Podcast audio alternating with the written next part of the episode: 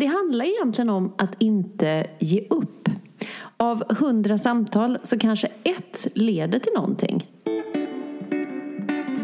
När hon var ganska ung så fick hon ett svårt eh, sjukdomsbesked. Men trots detta så har hon varit riktigt tuffig och tagit sig fram i denna mansdominerande sport.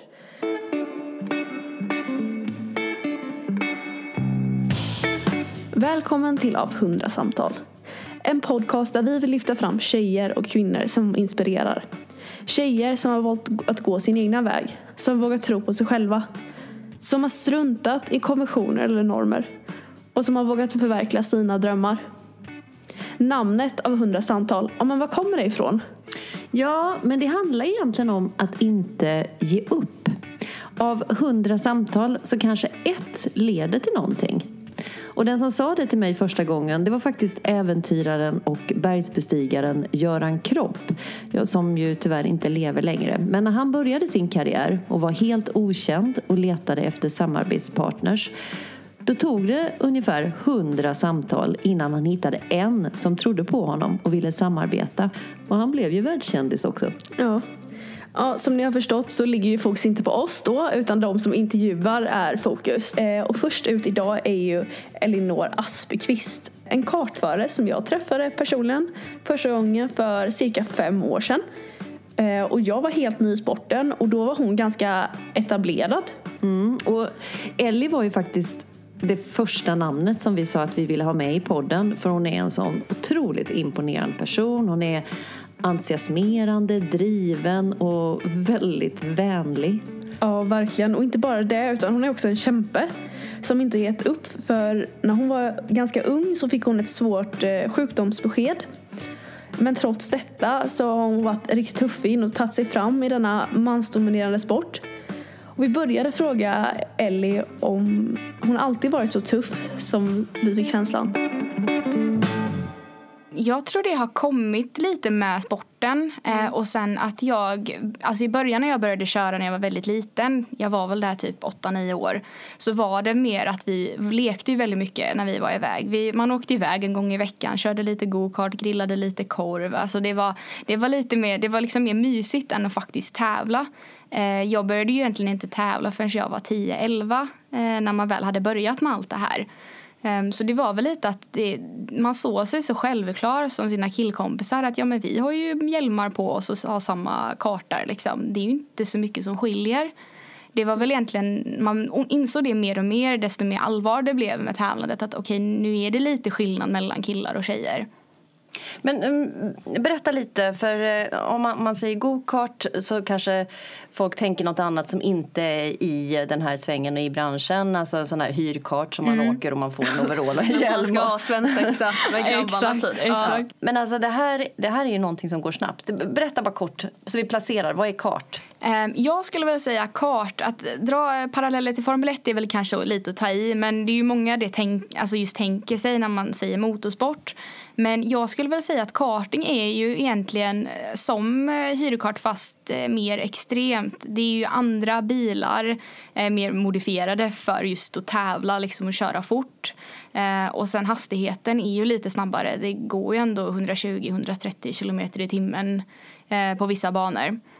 Och sen så är man att man kör ungefär 30 personer samtidigt mot varandra.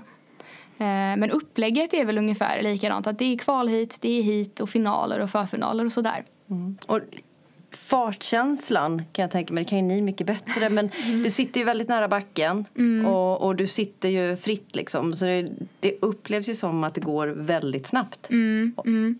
Eh, de där 120 är liksom inte som att sitta i en bil på E4. Nej, inte riktigt. Nej. Det, det suger lite i magen. Ja, exakt. Eh, men det är ju både stort utomlands mm. och i Sverige. Mm. Du nämnde ju att, mång, att man kan jämföra med, eller Formel 1 relaterar du till där och många Formel 1-förare har ju börjat med kart och mm. sen eh, så småningom hamnat i, i Formel 1. Och jag vet, vi var en gång eh, Siri, när du höll på i Italien mm. och tränade och då var det en aktiv Formel 1-förare som körde, på, eh, körde Ja, kart på just det. banan för att liksom hålla sig ajour. Det är bra träning vad jag förstått. Mm, ja, verkligen. Karting är ju väldigt, alltså det är väldigt många som även om de har gått över till Formel 1 nu idag så är det många som går tillbaka till kartingen för att träna just om att det är där alla kommer ifrån från början. Eh, väldigt många, alltså just när man bör, ens ska in i motorsporten eh, och ta sig vidare så är liksom karting lite som ett ja, men fosterstadie Eh, för att ta sig in. Eh, och sen så är det ju väldigt, väldigt liksom påfrestande sport, alltså just fysiskt sett. Så det är därför många kompletterar, även folk som kör rallycross och liknande också. Just för att ja, men hålla igång körningen. Men är det några skillnader? Är det- är det fördel tjej, fördel kille eller spelar det någon roll? Ehm, ja, egentligen skulle jag nog säga att alla är ju likadana egentligen när väl hjälmen åker på tycker jag. Sen klart, killarna har ju väl lite mer fysisk fördel att det, det är ju samma vikt, alltså viktfördelning på både tjejer och killars kartar. Ehm, Så det var väl det vi hade mest problem med när vi körde. Det kan säkert också relatera Ja, till Siri. Det var några kilo bly som skulle på. Ja för det kan vi ju lägga till att man kör ju blandat. Ja. I den klassen man startade i kör man ju blandar tjejer och killar. Mm. Ja. Så det, det är väl lite det att våra kartor som tjejer, vi, de är väl lite tyngre. Men samtidigt så är det ju, vi presterar ju lika, lika bra som killarna ändå. Jag kommer ihåg när jag kom in i sporten eh, som ny då. Jag tror det var 2015 för jag var 14-15 eller något. Eh, och jag kommer ihåg att jag upplevde det som nybörjare då komma in i sporten i li- lite senare ålder. Att det var ganska svårt att eh, ja, men ta någon plats eller hitta rätt eller bara allmänt kanske just skapa vänner. Ja. För det var det jag sa, då kom ju du där och så lärde vi känna varandra sen. Så att man var ju lite äldre då så det var ju lite lättare kanske att göra att skapa sig vänner liksom. Men jag kommer ihåg det att det var, för det fanns ju inget mellanting där med Nej, att eh, man, man blir ganska snabbt liksom, det blir allvar ganska snabbt. Ja, när man blir ju inkastad i- med eliten liksom. Ja. För de, de ligger ju i topp. Ja. Jag kommer ihåg själv, man hade ju några arga skåningar efter sig.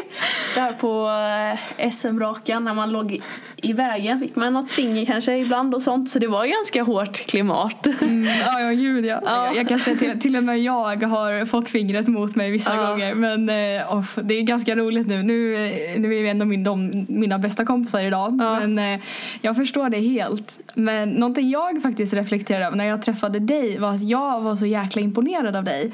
För att du bara liksom kom in och du bara skulle vara där.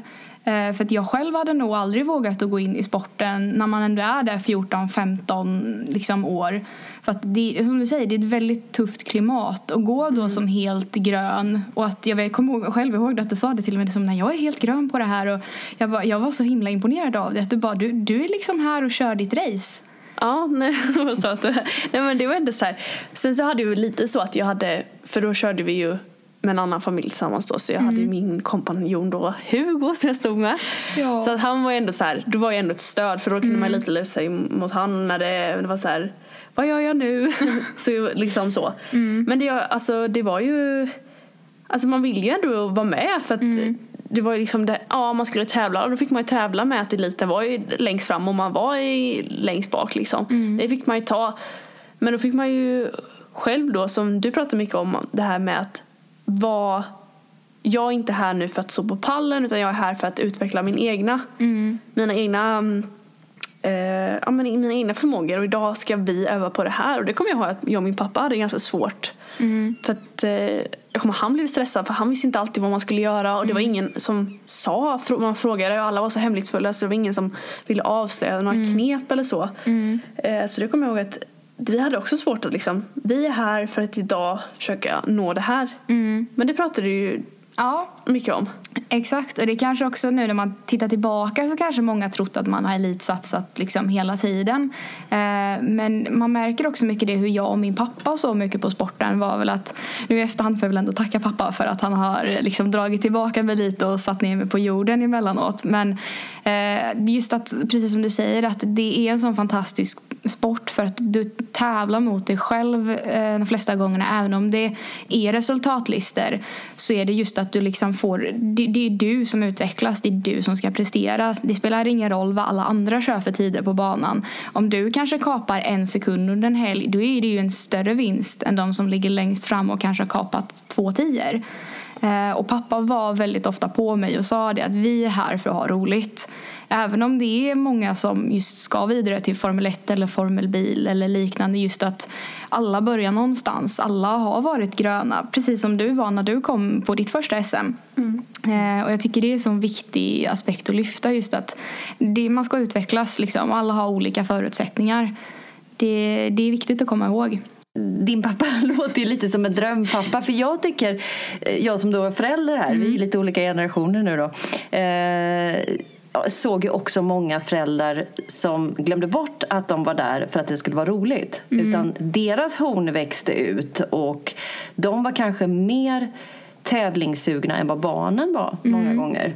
Um, och det där liksom att, ja, men, hur skulle du eller ni båda egentligen säga, hur skulle liksom den ultimata föräldern vara för att hitta den där balansen i att det är kul och lek till att, ja men nu tar vi steget och ska satsa mm. för, att, för att det vill barnet själv göra. Men hur, hur ska man vara som en bra och stöttande och matchande förälder där?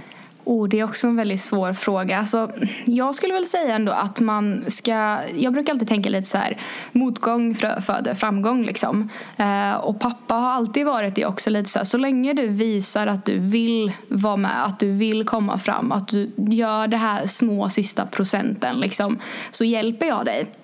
Eh, och sen hade vi aldrig riktigt de ekonomiska förutsättningarna som många andra har. Att det var ganska begränsat. Det var inga nya chassin, det var inga nya overaller. Utan vi körde med det vi hade och försökte liksom få ut det maximala vi hade av de grejerna.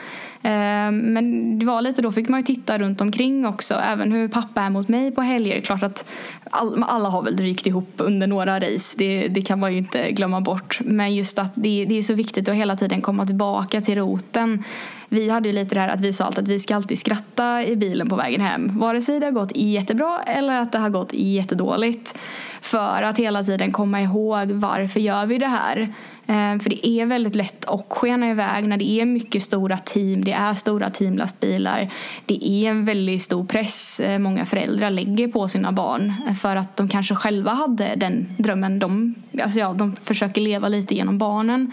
Eh, och det, sagt, det är så viktigt att försöka dra ner allting på jorden. Att ja, men vi är ändå här för att det är roligt. Mm. Ja, men man dras ju in lite lätt mm. i den, i den cirkusen. Och som du säger, det kan ju vara att det är ekonomisk press mm. eller så. Men jag tycker idrott ibland generellt, det är en liten baksida ibland. Mm. Eh, det, fördelarna är ju, överväger kanske i, i de flesta fall, för det ska ju vara roligt som du säger. Men, men att det kanske inte är alla familjer som skrattar när de åker hem från tävlingen. Utan, Exakt.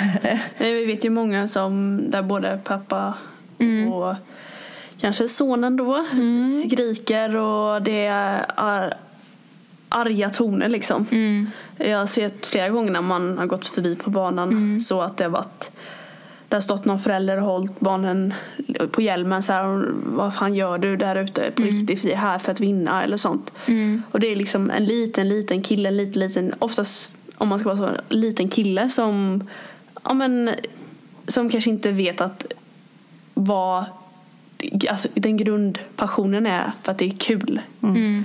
Utan att det är mer att vi är här för att leverera. Liksom. Mm, mm. Ja men exakt. Men sen är det ju också Eh, för jag kan tänka mig, du hade ju drivet. Du säger ju själv mm. att du hade drivet mm. mer än egentligen din pappa. Du ville liksom, du såg... Eh, och, och då är ju också i det kanske man har drivet men sen kan jag tänka mig att man är barn eller man blir tonåring eller ja, som människa att mm. man ibland har sina dagar då man inte orkar. Mm. Eh, liksom, idag orkar jag inte träna eller orkar inte gå upp ur sängen eller idag är det inte kul eller sådär. Och då är frågan hur mycket man ska pusha som förälder. När vet mm. jag som förälder att nej, men vi kör lite till eller när ska jag backa? Den är också väldigt svår. Jag skulle nog säga att det är väldigt, väldigt viktigt att lyssna på varandra. Eh, och i och med att jag också själv läser idrottspsykologi så tycker jag just den här aspekten är så intressant. För att det är ju lite precis som du säger, det är en balansgång. Hur, när är det för mycket? När är det för lite? Eh, jag tror ju som sagt att det viktigaste är ju hela tiden att ha en klar kommunikation. Eh, att man vågar säga ifrån också när det blir för mycket och även se lite alltså, på sitt barn som förälder. Liksom, okay, hur, hur mycket kan jag pusha? För man får ju inte glömma bort att det ändå är, liksom, det är ändå ett barn man har att göra med. Eh, sen vet man också att många är ju lite så att oftast de som går längst kanske inte är alltid de som mår bäst. Även om de presterar. Eh, så som sagt, det är ju fram och baksida med allt. Du var ju, du var ju av de här tjejerna så var ju du ändå en av, en av de bästa måste vi ändå ge dig till, eller hur? Men det var ju lite så här, när jag körde 2017 var egentligen min bästa säsong eh, som även blev min sista. Eh, men det året så var jag verkligen med och jag var nästan alltså, chockad själv över hur bra det faktiskt gick. Eh, jag var, alltså jag, vi hittade väldigt, väldigt bra pace, vi fick grejerna att lira och man var ändå topp fem där. Eh, sen var det ju lite så att jag, jag har ju även barndramatism. Så det blev ju lite komplement även att jag orkade ju tyvärr inte hela dagarna. Eh, så jag var ju snabb på morgonen om man säger så. Mm. Sen så dalade lite under racen. För vi pratade om det i inledningen här om att du kanske, ja men det har inte alltid gått som du mm. har velat liksom. Eh, men du har ändå en positiv inställning men eh, det gick inte liksom du tänkt dig. Jag fick ju egentligen mina första symptom när jag var 12 ungefär. Eh, och eh, då började med att vi var ute och sprang eh, på idrottslektionen och jag fick så fruktansvärt ont i händerna och jag förstod liksom inte riktigt att nu är det någonting som är fel. och utifrån det då, då började ju hela resan egentligen. Att det var in på sjukhus och kolla blodprover och kolla värden. Och vi höll på med det här, jag vet inte hur länge. och sen så tog det ändå några år att få det på papper. Så till slut så blev jag ju då diagnostiserad med då barnreumatism. Eh, och det är ju som vanlig reumatism fast man får det när man är barn istället. Eh, och ja, lite kort och gott, det är ju liksom att immunförsvaret då angriper sig självt i kroppen. Eh, så att jag är ju tekniskt sett kroniskt inflammerad i mina leder. Så eh, det var ju lite dumt att det satte sig då på händerna ja. Eh, först och främst. Men, eh, men var det var det främsta orsaken till att du inte kunde fortsätta att tävla eller köra? Det var väl en av de bidragande orsakerna. Eh, jag ville ju verkligen, verkligen fram eh, och under sista året så var det verkligen att allting liksom, då levde man och åt gokart mer eller mindre. Eh, men jag fick ju problem framförallt med händerna och sen så satte det sig även på käkarna eh, och sen så hittade de även det i ögonen. Så det blev lite så när det väl började liksom, ja ska man säga, eskalera lite så var det lite så fast man började tänka lite så okej okay, men det finns ju ett liv efter gokarten också. Eh, och då blev man lite så här, nu måste jag egentligen börja ta hand om kroppen för att det var så pass fysiskt påfrestande. För jag kommer ihåg du berättade någon gång Siri när, när du hade kört mm, eller i något lopp att ja. du fick hjäl- någon, var det din pappa som fick hjälpa dig att ta ja. loss händerna från ratten? För du de, kunde inte de satt fast. Ja. Så det var egentligen det att eh, de brukade oftast krampa ihop och sen var jag ju så tömd på energi så det var ju nästan vissa race efteråt att man var liksom svimfärdig för att man, man liksom var så urladdad. Mm. Vi började ju inledningsvis där att du är, du är så pass, du är så entusiasmerande för du just det här liksom ditt positiva synsätt och så men mm. när allt det här hände och kom emot dig det, liksom hur, hur har du hanterat det? För du måste ju också känt var, varför jag, var liksom, att det måste känts orättvist. Eh, ja, jo, men det var lite... Du var ju ja. mitt uppe i något och du liksom mm. hade börjat, du, du låg liksom verkligen i topp Mm. Och, och det började gå riktigt, riktigt, alla års slit började mm. verkligen ge resultat. Mm. Och så händer det här. Ja, alltså det är så lätt att vara så positiv egentligen. Eh, för, eller jag, jag, själv är ju väldigt positiv som person men även jag har haft mina baksidor många gånger. Det har ju funnits perioder, lite precis som du sa, liksom, varför just jag, varför händer det här och varför, varför var, ja, men li, lite som man förstod inte riktigt och man tyckte bara allting gick emot en. Eh, men samtidigt så var jag ändå så tacksam att jag ändå kunde fortsätta att köra så mycket som jag ändå kunde. Ehm, och sen var man lite så när man var i den åldern så förstod man inte riktigt vad, vad det innebar att vara sjuk och sen att det var kroniskt också. Um, så det, det, var väl lite att jag försökte ju vända om det negativa till någonting som stärkte mig istället. Att jag visste vad liksom, mm, alltså fysisk aktivitet utanför kartingen och vad det bidrog till. Liksom. Uh, och sen var man ju verkligen så att man var tvungen att optimera allting för att man skulle kunna köra. Ehm, så det var både att träna på och utanför banan, äta rätt, sova rätt. Det var verkligen så att man, man levde liksom gokart. Mm. Men hur, ehm, hur ser det ut för dig idag? Eh, idag måste jag ändå säga att det jag har ju testat lite nya mediciner och sånt nu genom åren. Eh, och klart att det var jobbigt när man la hjälmen på hyllan. Eh, jag ville ju ändå vara med i, alltså i sporten eftersom att det, det var ju lite som en extra familj. Uh, och sen så som sagt, det, det, var en jobbig tid efter. Det var väldigt svårt att ta in att varför fortsätter mina, eller mina kompisar kör fortfarande och att jag inte kan vara med på samma sätt. Um, men samtidigt så inser jag att nu har jag ändå chansen till att bidra till sporten till, alltså på det sättet som jag själv hade behövt den. Eh, liksom när jag själv var aktiv och tävlade. Eh, men det är ju mer en satsning. Mm. Får du, vill du eh, droppa lite i alla fall? Ja, jag kan droppa lite, lite exklusivt material. Ja, absolut. Ja, jag gick ut med för ett tag sedan då att jag blev nominerad av SPF eh, och Eh, jag blev så glad när jag blev uppringd av då landslagskaptenen för motors... Och SPF får vi säga Svenska Bilsportförbundet. Exakt, ja, exakt. exakt. Mm. Koll här. Det, som sagt, jag blev uppringd då och jag blev ju så, för, jag blev så glad och förvånad. Men eh, jag ska vara med i en ungdomssatsning eh, tillsammans med Riksidrottsförbundet och SISU då som har tagit med att eh, ja, helt enkelt gynna unga, liksom unga, unga drivna människor. Um, så grundtanken med det här då är att jag kommer få gå en ledarskapsutbildning uh, på 100 timmar uh, med lite möten i bland annat Göteborg och uh, Stockholm.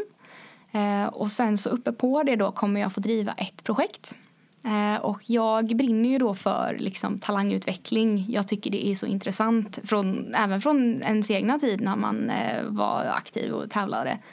Ehm, så eh, ja, det är lite sån salig blandning. Mm. Vad skulle vara typ ditt råd för att ha en positiv inställning och liksom hålla en, ja, men en bra balans? Alltså, jag skulle nog säga det som hjälpt mig eh, egentligen mest genom min ja, karriär eller vad man ska kalla det eh, är väl egentligen att hela tiden tänka att även om man möter en motgång så kommer man alltid komma ur den alltså, med något nytt. Du kommer lära någonting av, alltså, av den. Du kommer alltid komma ut starkare. Eh, för jag brukar alltid egentligen aldrig kalla det motgångar. Jag kallar det mer liksom utvecklingsfaser. Mer för att du kommer, du lär dig något nytt. Eh, för man blir alltid så att allting kan inte gå superlätt hela tiden. För då, då blir det ju liksom, det lätta blir ju det normala. Eh, och sen när det väl kommer en motgång då vet man inte riktigt hur man ska hantera den. Eh, så jag är väl lite så att när någonting händer så händer det och du kan se det på två olika sätt. Så det är antingen positivt eller negativt. Mm. Um, så det är också tillägg även, även om som sagt det ska alltid vara roligt. Man ska alltid vilja göra, eller man ska alltid göra någonting för att man vill göra det. Inte för att man måste, för att hjärnan gillar inte måsten. Det, det vet vi nog alla liksom. Um, så som sagt, det ska vara roligt men man ska även kunna se möjligheterna i det. Superkul att du hade tid att träffa oss och ta emot oss och få, få lyssna till dig. Det är verk, ja, verkligen jätteinspirerande. Ja, tack så mycket för att jag fick vara med. all I wanted, I got you too. But when you left me, baby, my heart turned blue. I don't know where I'm going, I'm falling free. Losing all my feelings I had in me. You got me real, real good. You broke me into nothing, you got me real, real good. My heart refused to listen. What can I do? Backstabbing all my feelings. I feel for you. I don't know where I'm going. I'm falling free. Losing all my feelings I had in me.